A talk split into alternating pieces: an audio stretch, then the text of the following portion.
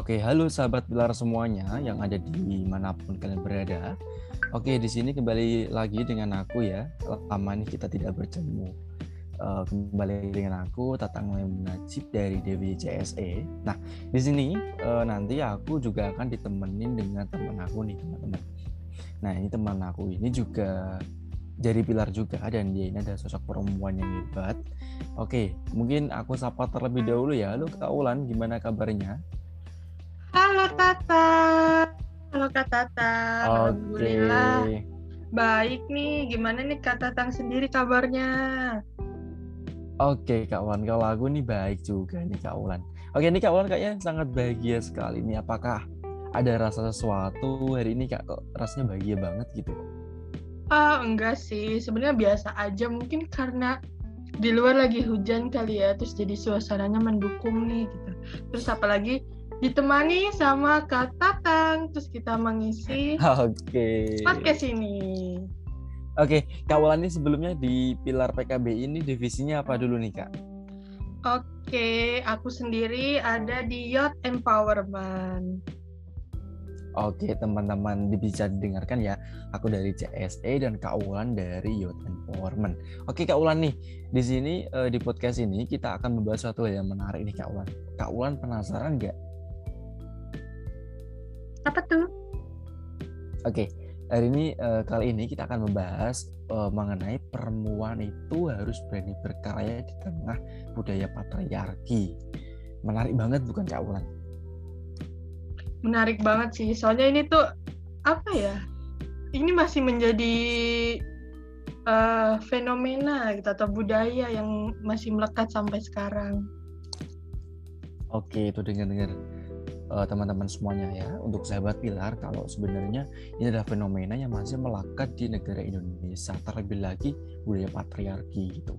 Nah sebelum kita uh, lebih lanjut mengenai gimana sih caranya perempuan bisa berkarya di budaya patriarki mungkin kawan bisa singgung sedikit nih terlebih dahulu mengenai sebenarnya patriarki itu apa sih kak gitu. Oke, kalau menurut aku ya patriarki itu adalah keadaan atau fenomena atau kultur di mana menganggap laki-laki itu menjadi pemimpin atau yang teratas gitu. Dan perempuan hanya bisa di bawah aja gitu nggak bisa untuk berkembang gitu. Jadi uh, untuk mengeluarkan potensinya itu dibatasi gitu. Mungkin gampangnya gini kali ya. Eh, teman-teman uh, mungkin kalau di Jawa itu ada istilah uh, macak, masak, mana gitu kan, atau mungkin kayak sumur, kasur, dapur gitu kan. Nah, oh kayak iya gitu. Itu. Nah, ya itu itu patriarki atau mungkin teman-teman sering kayak dengar uh, jangan sekolah tinggi-tinggi. Nah, itu termasuk patriarki gitu. Kalau aku kayak gitu Kak Tatang, kalau Kak Tatang sendiri gimana sih uh, pendapat okay. atau definisi patriarki?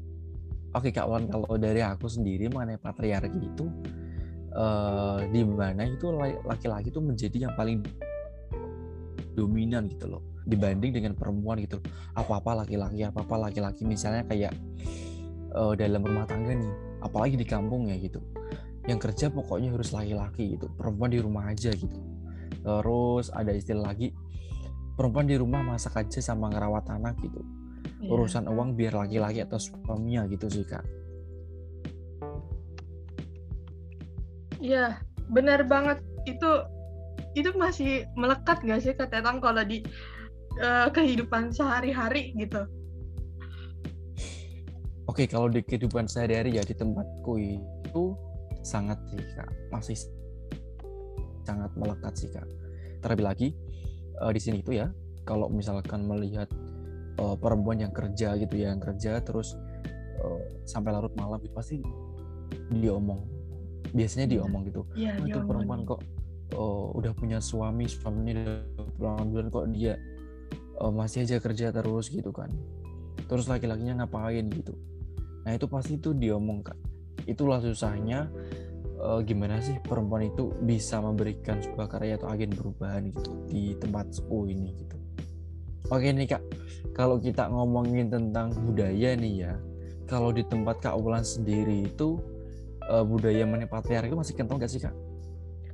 Oke, kalau budaya patriarki di lingkungan rumahku itu sebenarnya udah tidak begitu terasa ya.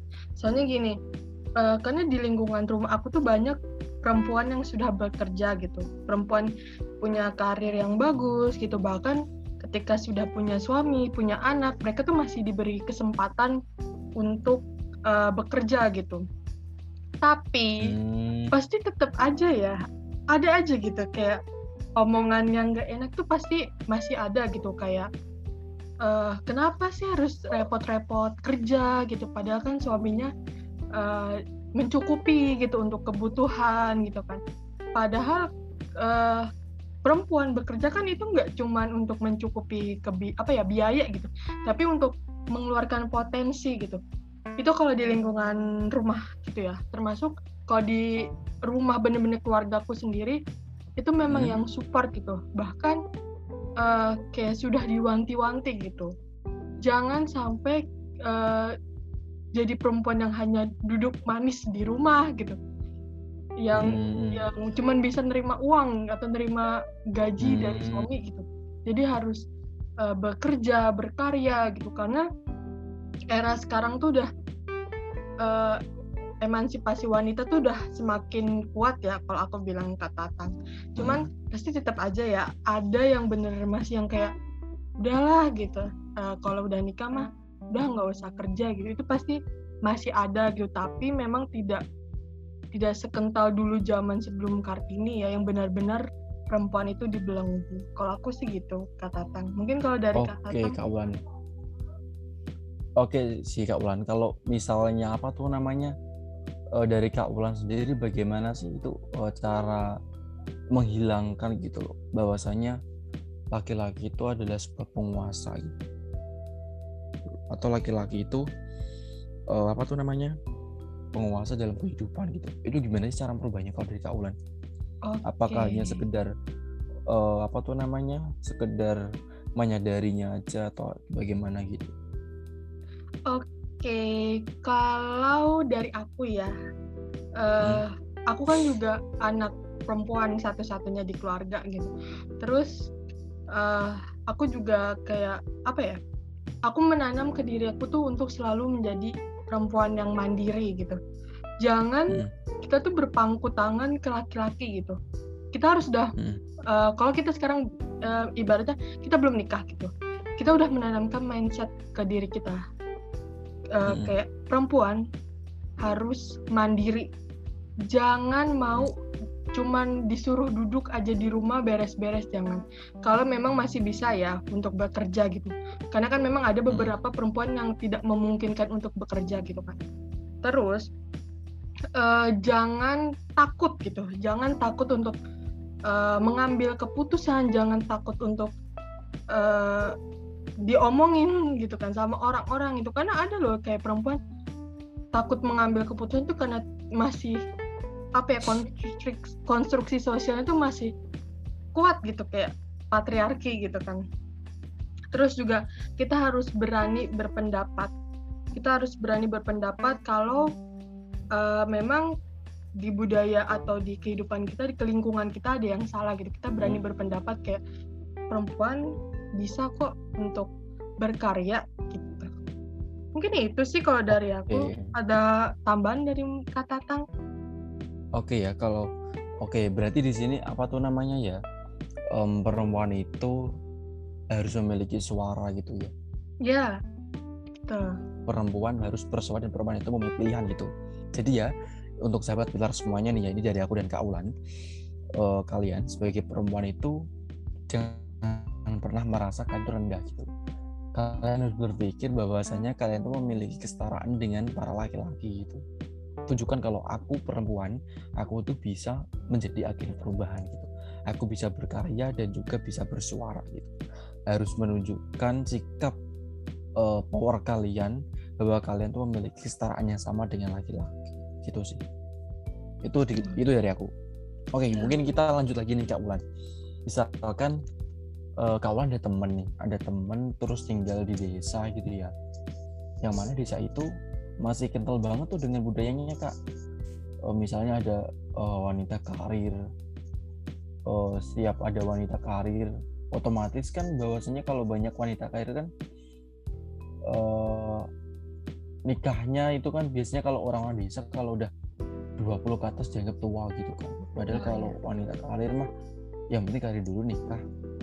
Ya nanti gitu. Atau mungkin nikah dan juga karir gitu tapi kalau desa kan beda kita harus memilih salah satu gitu loh nah misalnya punya teman seperti itu terus tinggal di desa dan dia di, menjadi pembicaraan orang-orang desa itu bagaimana sih Ulan?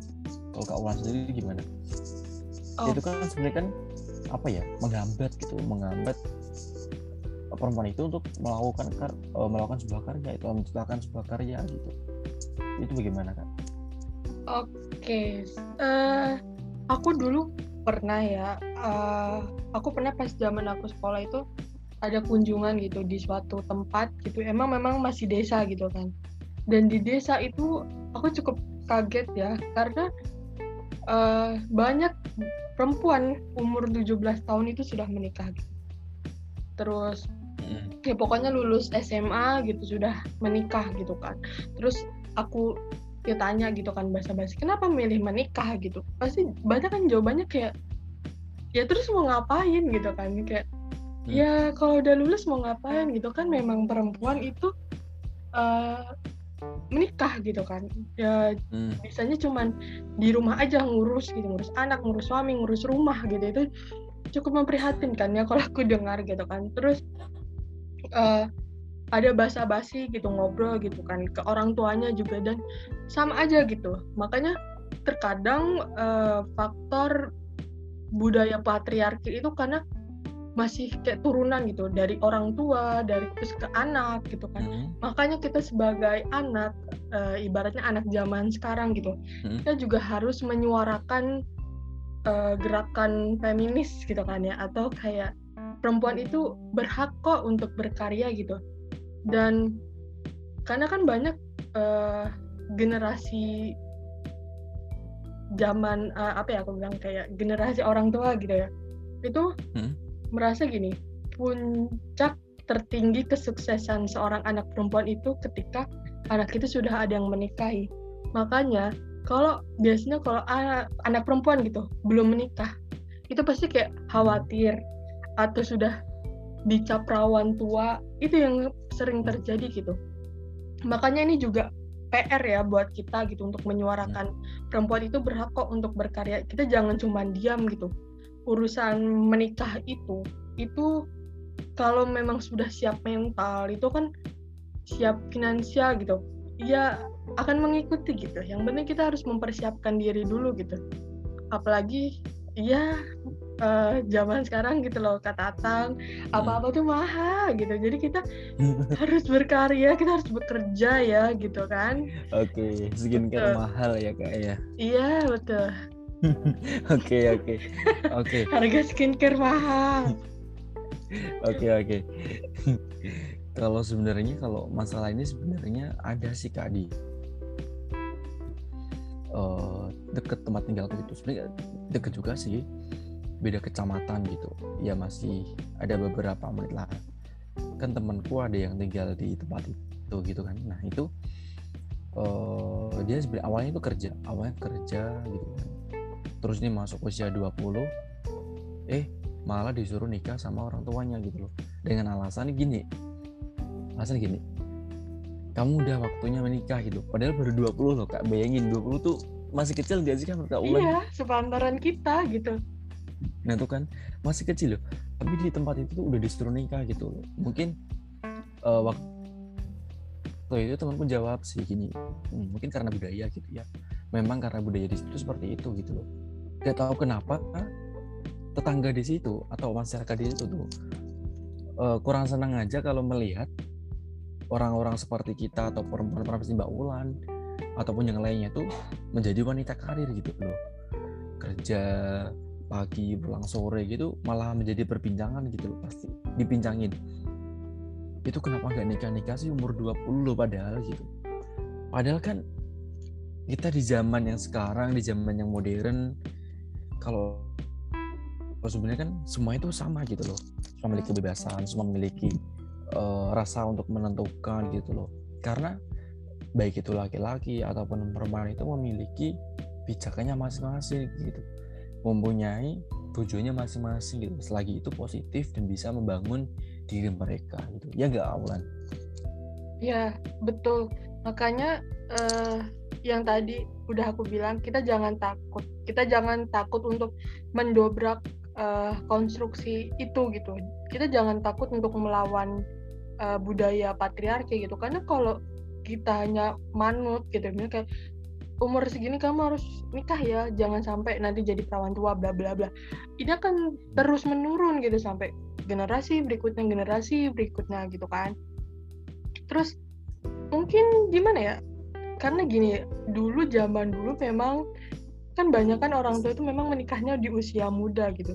Tapi kita harus bisa membedakan gitu generasi atau zaman kemarin dengan zaman sekarang itu kan pasti ada perbedaan itu. Sekarang tuh udah apa-apa semakin canggih gitu. Jadi kita uh, bisa untuk mengeksplor diri gitu. Itu sih mas Tatang. Itu juga okay, okay. ya aku okay, sih dengarnya maksudnya kayak umur 20 tahun gitu. Masih 20 tahun gitu. Uh, hmm. harus udah iya dipaksa yes, nikah gitu. Sedangkan ya nikah itu nggak ada batasan umur gitu. Mau usia 30 ke atas gitu. Sah-sah aja kalau memang udah pengen nikah gitu. Oke oke. Oke nih sahabat pilar semuanya bisa didengerin tuh. Kita tuh harus bisa mengeksplor diri kita tuh sejauh mungkin gitu loh. Sebenarnya tidak salah jika teman-teman ingin nikah muda gitu tapi dengan catatan gitu. Udah mampu terus udah ada pertujuan udah keputusan antara dua belah pihak gitu. Tetapi eh, jika kalian misalnya nih teman-teman udah nikah terus ingin berkarya atau ingin bekerja ingin berkarir ingin menjadi apa terserah itu dengan catatan harus ada kesepakatan ya guys itu sih tapi uh, kan tetap harus bisa bersuara harus menjadikan memberikan alasan yang jelas kenapa kalian itu ingin berkarir atau ingin berkarya gitu. Itu yang paling penting. Oke nih Kak Ulan, kalau kita ngomongin apa tuh namanya perempuan, mungkin Kak Ulan bisa memberikan tips mungkin ya cara menjadi perempuan yang berani bersuara dan maju dengan langkah yang pasti dengan tujuan masing-masing, tapi tetap positif. Gimana Kak Ulan di tengah budaya patriarki seperti ini? Oke, gimana sih tips uh, bersuara gitu untuk perempuan gitu? Oke, kalau dibilang bersuara semua orang pasti ya berhak untuk bersuara gitu. Tapi jangan sampai nih perempuan-perempuan yang bersuara hanya bersuara omong kosong gitu. Maksudnya tidak dibentengi ilmu gitu. Jadi untuk perempuan gitu, para perempuan ketika kalian ingin berbicara untuk mengeluarkan pendapat gitu kan juga harus uh, banyak-banyak menimba ilmu gitu gimana sih ilmu macam-macam ya ilmu misalkan kayak seberapa penting kita harus berkarya seberapa penting perempuan itu di kehidupan gitu. Seberapa penting perempuan itu ada di entah uh, pemerintah dan segalanya gitu. Harus dibentengi ilmu. Kedua jangan pernah takut untuk merebut kebahagiaan. Karena gini kadang kita tuh terlalu takut untuk melawan karena memikirkan uh, omongan orang, pendapat orang, tapi kita tuh terlalu apa ya tidak berani gitu, tidak uh, terlalu takut untuk merebut kebahagiaan gitu kan. Jadi jangan sampai uh, kita tuh memuaskan ekspektasi orang gitu. Kayak aduh di lingkungan aku masih umur yang 20 tahun belum nikah tuh masih tabu gitu kan. Jangan mengikuti uh, lingkungan yang dianggap itu ketinggalan zaman gitu kan terus uh, mungkin bisa juga ya ngeliat uh, sosok inspirasi tokoh gitu. Sekarang kan tokoh-tokoh perempuan itu sudah banyak gitu kan. Ada Najwa Shihab, Maudi Ayunda, terus Cinta Laura itu kan banyak. Apalagi yang paling mungkin teman-teman tahu perdana menteri uh, Selandia Baru New Zealand Jacinda Ardern namanya. Itu beliau jadi perdana menteri perempuan gitu walaupun punya suami punya anak tapi uh, mampu gitu untuk memimpin uh, menjadi perdana menteri gitu ma uh, mampu berkarya gitu. Terus juga Najwa Shihab gitu mampu berkarya gitu. Mengeluarkan aspirasi kayak Cinta Laura juga berani berkarya uh, jadi penyanyi dan segalanya gitu kan. Pokoknya untuk perempuan jangan takut untuk mendobrak konstruksi sosial itu sih uh, dari aku mungkin kalau Tatang ada tambahan Oke, kalau dari aku sih gini sih kak. Yang pertama itu kita harus mengubah pola pikir. Gitu. Mengubah pola pikir kalau eh, yang awalnya perempuan itu hanya mengikut atau mengikuti laki-laki, tapi perempuan harus mengubah pola pikir bahwasanya mereka itu di samping laki-laki. Gitu. Kalau memang sih 40 eh, yang tahu 40 tahun yang lalu mungkin perempuan tuh masih di belakang laki-laki. Masih ngikuti masih mengikuti terus gitu kan. Tapi kita harus bisa merubah tuh zaman sekarang. Perempuan itu harus di samping laki-laki. Karena apa? Karena gini uh, dengan perubahannya zaman itu semua kebutuhan tuh pasti akan juga berubah gitu loh. Begitu iya. juga begitu juga dengan peran betul. Oh perempuan uh, hanya masak. Tapi sekarang kan perempuan bukan hanya masak gitu kan.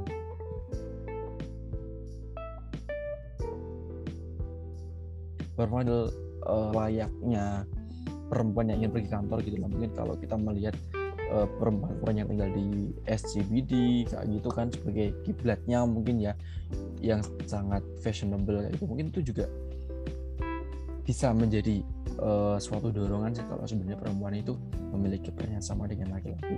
Kita harus mengingat sih bahwasanya zaman sekarang ini udah waktunya perempuan itu bukan di belakang, tapi berjalan berdampingan atau bersamaan dengan laki-laki. Itu. Ya enggak kawalan. Betul. Jadi uh, sebenarnya tanpa disadari ya kalau patriarki ini juga merugikan pihak laki-laki gitu karena laki-laki itu lebih beban gitu masa uh, beban yang dipikul tuh lebih berat gitu. Makanya bener yang tadi dibilang kata Tatang perempuan dan laki-laki tuh sekarang tuh sudah seharusnya bergandengan tangan gitu. Gak harus uh, urusan domestik tuh ya perempuan aja gitu. Terus gak harus untuk urusan uh, finansial itu laki-laki saja gitu. Itu harus ada di kedua belah pihak gitu. Karena ya kita sama-sama manusia gitu. Kita sama-sama bisa untuk uh, berkarya berpendapat dan lain-lainnya gitu kan. Terus juga perempuan tuh jangan takut gitu kalau mikir uh, semakin tinggi pendidikan atau semakin sukses dalam berkarir itu bakal sulit mencari jodoh gitu. Karena uh, laki-laki yang apa ya yang laki-laki yang mau berjuang mau berusaha itu pasti uh, akan menyetarakan gitu ya nggak sih kata tang kata tang juga pasti kalau uh, mau cari pasangan gitu kan pasti juga ngeliat dulu apakah ini perempuan punya uh, ambisi gitu. Ya nggak sih kata tang iya pasti kak. Betul. Oke Kak Ulan ya. Oke Kak, ini uh, kita udah menjadi uh, di penghujung waktu nih Kak udah ter tidak terasa kita udah ngobrol selama kurang lebih 30 menit. Mungkin Kak Ulan ada closing statement nih sebelum kita menutup uh, perbincangan atau podcast kita kali ini. Oke, okay, closing statement aku simpel sih. Jadilah perempuan yang berani berpendapat. Udah itu aja. Karena sekalinya okay. kita berpendapat, gitu, sekalinya kita berani uh, bergerak itu semua orang pasti akan mengikuti gitu. Oke teman-teman itu dari kawan kita harus uh, sebagai perempuan kalian untuk sahabat kembar semuanya harus didengerin ya. Kalian harus berani berpendapat gitu loh. Karena sekalinya kalian berani berpendapat otomatis itu akan bisa didengar oleh seseorang uh, karena itu akan berdampak pada diri kalian dan juga orang lain. Oke kalau dari aku mungkin kalian untuk semuanya ya uh, per, aku ada sedikit closing statement yaitu perempuan berhak bersuara dan perempuan mempunyai pilihan yang mana pilihan itu ada di tangan kalian kalau digabungin dengan Kak Ulan kalian harus memiliki pendapat untuk menentukan pilihan kalian. Itu sih. Oke, mungkin dari itu dari aku dan Kak Wulan. Uh, kurang yeah. lebihnya mohon maaf. Kita mungkin nanti bisa ketemu di podcast selanjutnya. Oke, okay, see you. Bye bye. Bye bye.